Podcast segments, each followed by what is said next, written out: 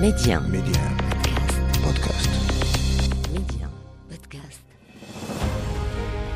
يقال من لا تاريخ له لا مستقبل له والتاريخ المغربي ماض مجيد يحفل بالوقائع والأحداث أفتح معكم أنا محمد الغول كتابه وأختار لكم منه كل أسبوع صفحة من صفحاته المشرقة صفحات من التاريخ ميدي 1 محمد الغول تاريخ المغرب أهلا بكم. التاريخ المغربي تاريخ غني بأحداثه الكبيرة وقصصه المبدعة ورجالاته القادة العظام لكنه تاريخ ظلم المرأة المغربية.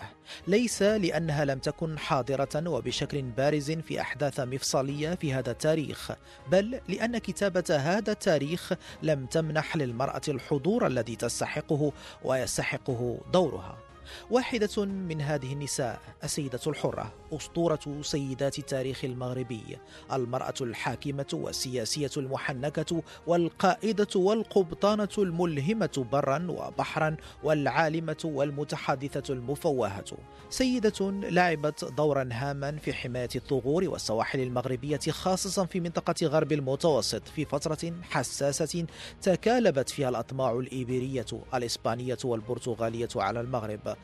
خاصة أنها أي هذه الدول كانت في أوج عظمتها وأساطيلها تغزو وتجول بحار ومحيطات العالم. وكذا بعد سقوط الأندلس في فترة بداية القرن السادس عشر. سيدة بلغت قوتها أنها كانت تملك وتدير أسطولا بحريا اقتسمت به سيادة البحر الأبيض المتوسط مع القبطان العثماني خير الدين بربروسا الذي كان يلقب لشراسته وشجاعته بملك البحار. في العدد السابق من تاريخ المغرب. تعرفنا على نشأة هذه السيدة العظيمة في كنف أبيها القائد علي بن راشد حاكم شفشاون وأمها الإسبانية التي أسلمت كاترينا فرنانديز وسميت بعد إسلامها بالزهرة حيث تلقت السيدة الحرة تعليمها على يد أشهر العلماء ورجال الدين بشفشاون. يقول المؤرخون أنها كانت صاحبة ذكاء نادر وأخلاق سامية هيأتها لتأخذ بيدها السلطة وذلك بسبب التعليم الذي تلقته من أشهر العلماء ورجال الدين في عصرها. جمعت بين ثقافتين ثقافة أندلسية حضارية وثقافة مغربية عريقة وبعدها في كنف زوجها قائد تطوان المنضري الذي كان رجل جهاد لا تتوقف معاركه ضد الإيبيريين.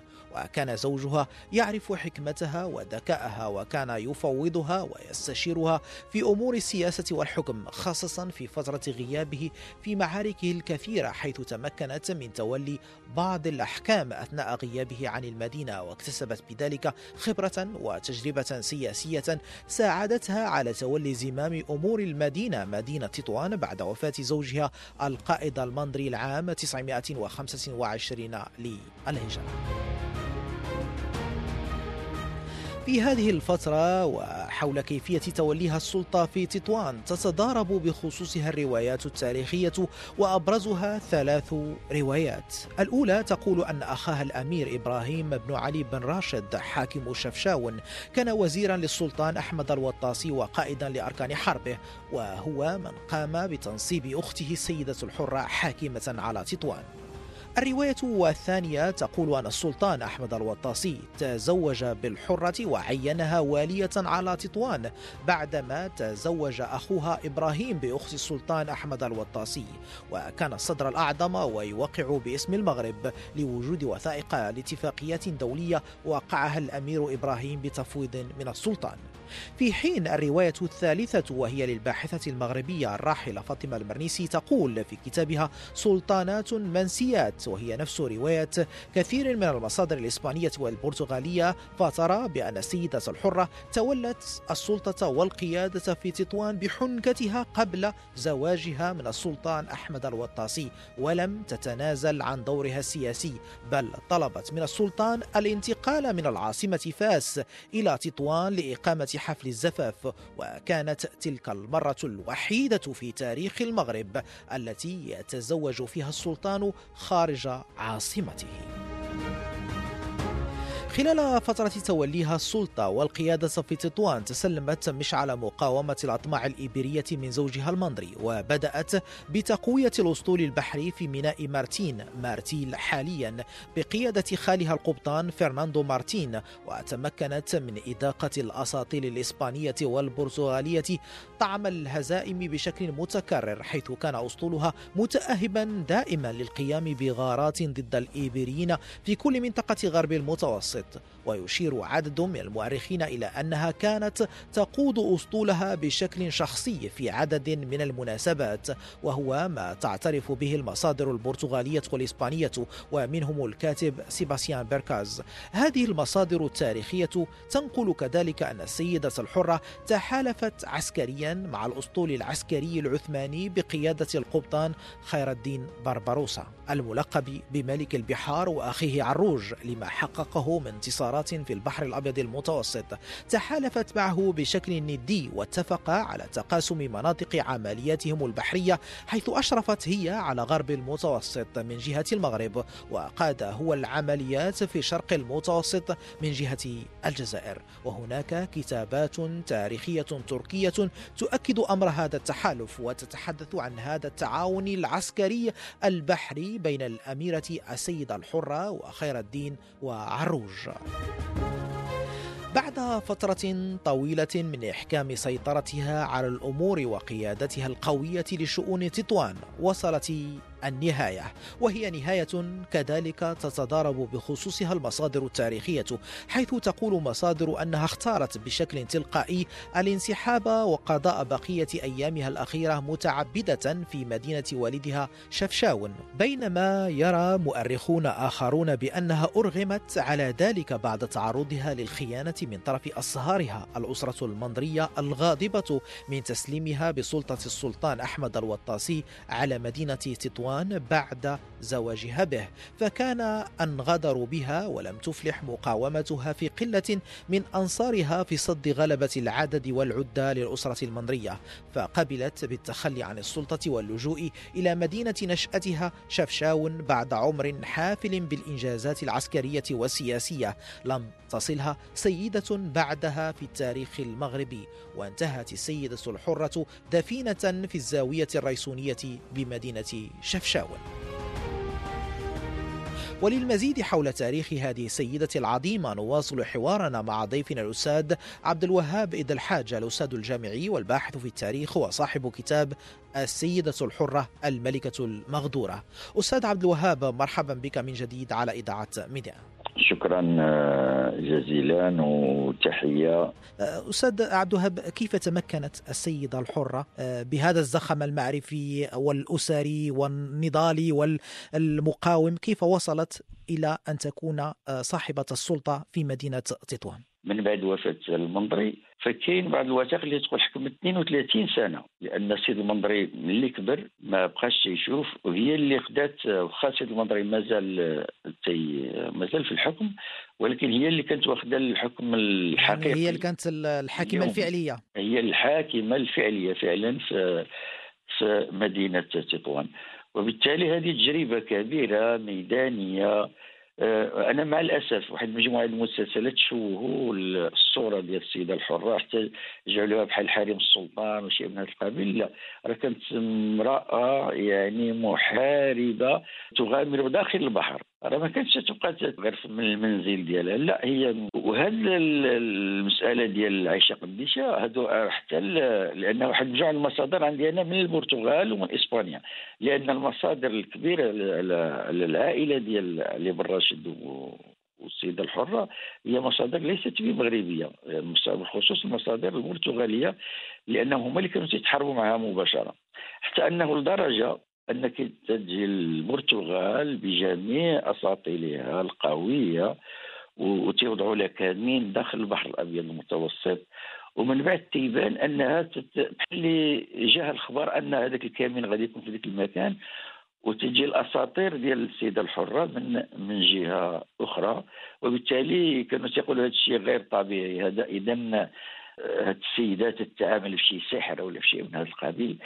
تنسمعوا هاد عائشة قديشة اللي وحتى في وغادي حتى الجديدة حتى في الجديدة عندهم عائشة البحرية واحد المجموعه ديال الأسماء كلها ملقبة على هذه الأميرة حتى في المدينة الجديدة مرتبطة بالصراع مع البرتغال كذلك. مع البرتغال مع البرتغال بطبيعة الحال وأن البرتغال وكتابات كثيرة البرتغاليين على على السيدة الحرة واحسن مرجع للشو ديال غييرمو بوستو عنده كتاب كبير سميتو تطوان الخير إلى فرانتيرا ديال ستريتشو هكا هو اذا قلت هذا من احسن هذا اللي كتبوه على السيده الحره وكتبوه اما المصادر المغربيه هي مصادر سطحيه ومصادر غير عميقه يعني ربما الصراع اللي كان ما بين الوطاسيين والسعديين انذاك ما خلاش ان الكتابات تمشي في الاتجاه الحقيقي والاتجاه العلمي الصورة ديال السيدة الحرة مع الأسف اللي تمشيو لداخل لا فرونتيرا ولا تمشيو بعض المتاحف على على السيدة الحرة يعني تيكتبوا عليها شيء رائع وحتى لدرجة أنها نسقت مع بربرة هذاك القبطان العثماني بربروس خير الدين بربروس بربروس خير الدين راه نسقت معاه. وهذاك هو ربما ملي دخلوا بعض الأتراك في سبعة المواخر الأتراك آه، بدأ الغطاسيين تيفكروا في انقلاب على السيدة الحرة. وهذا اللي ما ذكرتوش آه، المصادر آه، المغربية هو أنه وقع انقلاب على السيدة الحرة. أن إذا قريتي بزاف ديال المراجع المغربية تيقول لك السيده الحرة في الأخر صبحت صوفيه ومشات للشاون كتعبد لا السيده الحرة وقع عليها انقلاب وأن الكتاب لأن من بعد المقدمة بديت أنا بهاد هذه المصادر التي تقول بأنه تم خيانتها بشكل أو بآخر. خيانتها خيانتها فعلا.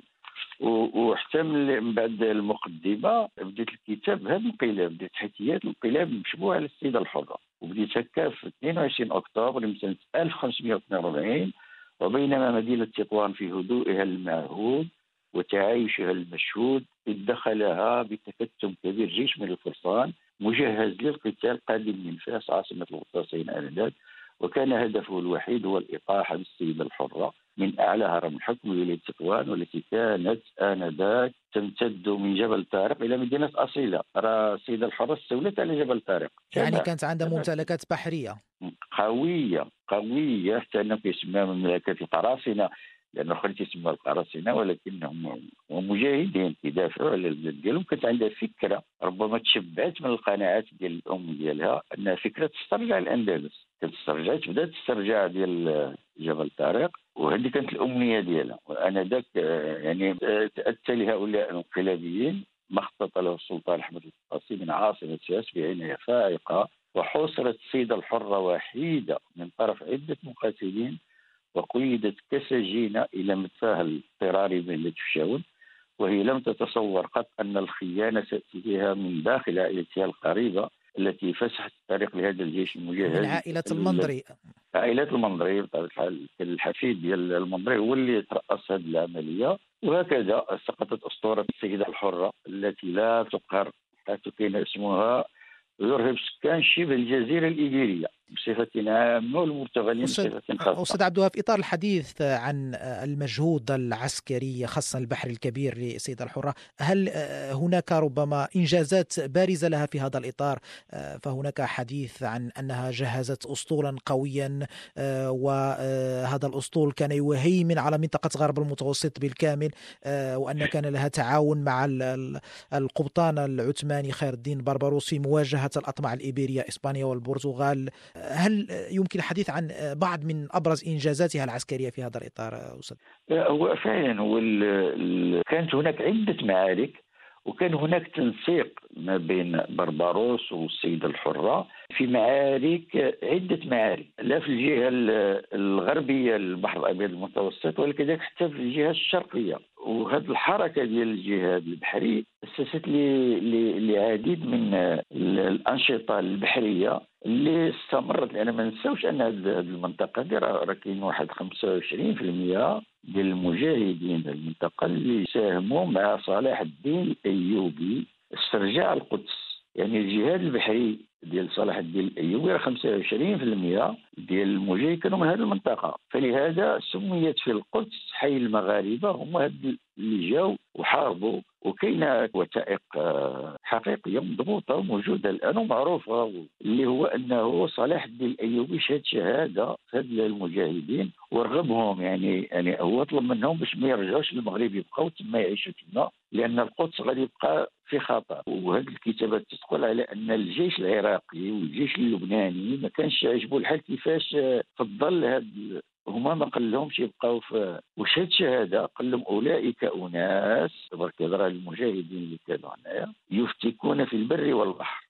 لهذا كنسموا دار المغاربة وحي المغاربة بالقدس. بحكم نعم. خبرتهم العسكرية الكبيرة في القتال ربما. كبيرة في القتال البحري وكنعرفوا أن هذه المنطقة يعني إذا بغيتي تقول من تطوان حتى للحسيمة حتى للريف حتى للناظور حتى لهذا كامل ولات هذه ثقافة بحرية. وتعاودوا لنا الناس ديال بقيوه في بعض الانترفيو اللي كنت عندنا معهم تيقول لك على أن إلى حدود القرن 19 تقريبا كان مازال آه، بعض بعض البحرية كيوهموا بعض البواخر الإسبانية اللي كانت كتجي باش المغرب بطرق غريبة. تاخذوا هذاك البحار وتيديروا واحد الصوت بحال لأنه راه كاين ميناء وتيدخل هذاك الباطو وتيحصل ما بين ما بين الحجر اللي كيكونوا دارسينهم هذه الأماكن. ومن بعد البراح تيبرح في القبائل تيقرا واحد الباطو تيهودوا تيبداو المسائل اللي تما وتعتقلوا الناس اللي كاينين تما حتى كيقولوا ان في بقيوه هذوك السقوفة ديال الديور كاملين بديك الألواح ديال ديك لي باطو اللي كانوا كيشدوهم من من قبل.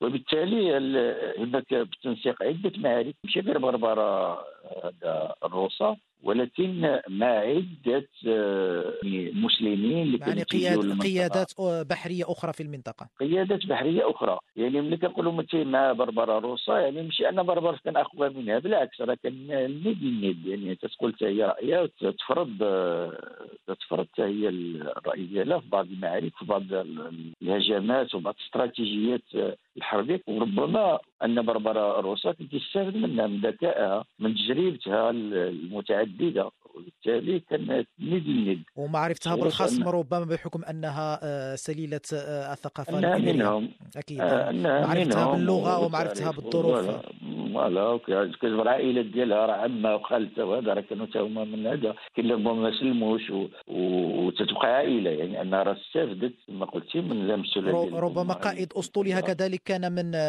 من الإبريين الذين أسلموا. فعلا. هي مجموعة مجموعة لأن بخير لا فرونتيرا بعد إذا بخير لا فرونتيرا مشيت أنا لهذه المنطقة مشيت حتى للدار ديال هذاك الشعار ديالهم هو الحيك الحيك ديالنا الحيك ديال المرأة. لكن هما عندهم واحد الحيك أسود. حنا عندنا أبيض ما ربما حزنا لفقدان الأندلس. وباقي محافظين الإسبانيين إلى حد الآن باقي محافظين على هذاك الحيك وكيديروا في, في الريغالوس. هدية. السيمبول ديال المدينة شي هدية ولا شي متشيرو ولا شي حاجة مصورين فيهم هذاك هذاك الحيك وسط المدينة دايرين وحده بحيك وتيزوروها المناطق. لأن واحد المجموعه ديال المسيحيين مجموعة ديال المفكرين المثقفين ديال المنطقة تحولوا صنعوا الإسلام وتحولوا الإسلام قبل ما يوصلوا الاسبان للمنطقة. وبالتالي هاجروا معها أكيد هاجروا معها واحد المجموعة ديال المفكرين ومع بخرج الطيران على البحر. جا واحد المجموعة كذلك ديال البحرية مجموعة ديال الاستراتيجيين في المجال وأبناء المنطقة ديال أبناء منطقة كاديس كلهم معروفون بأنهم خبراء آه بحر فعلا فعلا فعلا. آه قاديس معروفه بالبحر.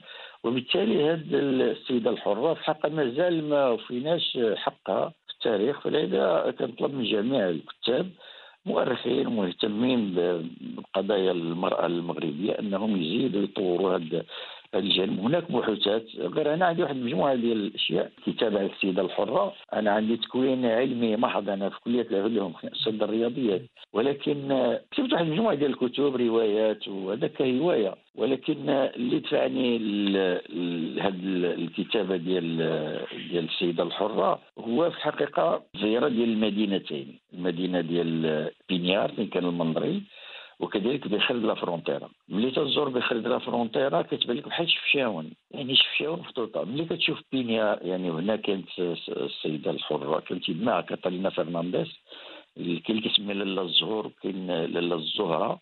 وكاين اللي تيقول على أن لاله الزهرة كما عرفتش واش هادشي صحيح ولا لا في بعض المقالات يقولوا على أنه آه، كانت كانت كتعشق هي بيخير لا فرونتيرا وفرضت على علي بن راشد إذا بغى يتزوج بها أنه يبني لها آه، شي قرية كتشبه لهاد بيخير لا فرونتيرا. كيقولوا على هذا الشيء تنشوفوا الشفشاون كتشبه بشكل كثير إلا بالعين ديال رأس الماء يعني أنا عندي بعض الصور في الكتاب إذا شتيها أول واحد كيشوف كيقول هذه شفشاون كيقول له لا هذه راه بيخير لا فرونتيرا. وكذلك بينيار من جا المنظري المنظرية عاوتاني نفس العملية كاين القصبة كاين المطمرة. ملي كتكون في بلاد بحال كتشوف مدينة تطوان. وبالتالي كان عندهم واحد الاستراتيجية ديال البناء غريبة. حتى أن تطوان الآن هي في سلسلة الأماكن الزلزالية اللي يمكن يوقع فيها زلزال. ولكن مدينة تطوان بنية على حجرة. إذا شباب العقلة يعني هذوك خمسة كيلومتر ديال السور ديال المدينة كله على حجرة. بالتالي كان البناء ماشي اعتباطي. قبل. يعني الأندلسيين نقلوا حنينهم إلى وطنهم في الأندلس ونقلوا كذلك خبرتهم العلمية والعمرانية الكبيرة جدا التي كانت سائدة في الأستاذ عبد الوهاب الحاج الأستاذ الجامعي والباحث في التاريخ وصاحب كتاب سيدة الحرة الملكة المغدورة. جزيل الشكر لك على جميل مساهمتك القيمة في تسليط الضوء على هذا الجزء المجهول من تاريخ المغرب وتاريخ هذه السيدة السيدة الحرة. مستمعينا شكرا على جميل متابعتكم وأذكركم أنه يمكنكم الاستماع وإعادة الاستماع لكل أعداد تاريخ المغرب عبر تحميل تطبيق ميد أن بودكاست بالطريقة المعروفة لتحميل التطبيقات. إلى اللقاء. ميدي 1 محمد الغول تاريخ المغرب.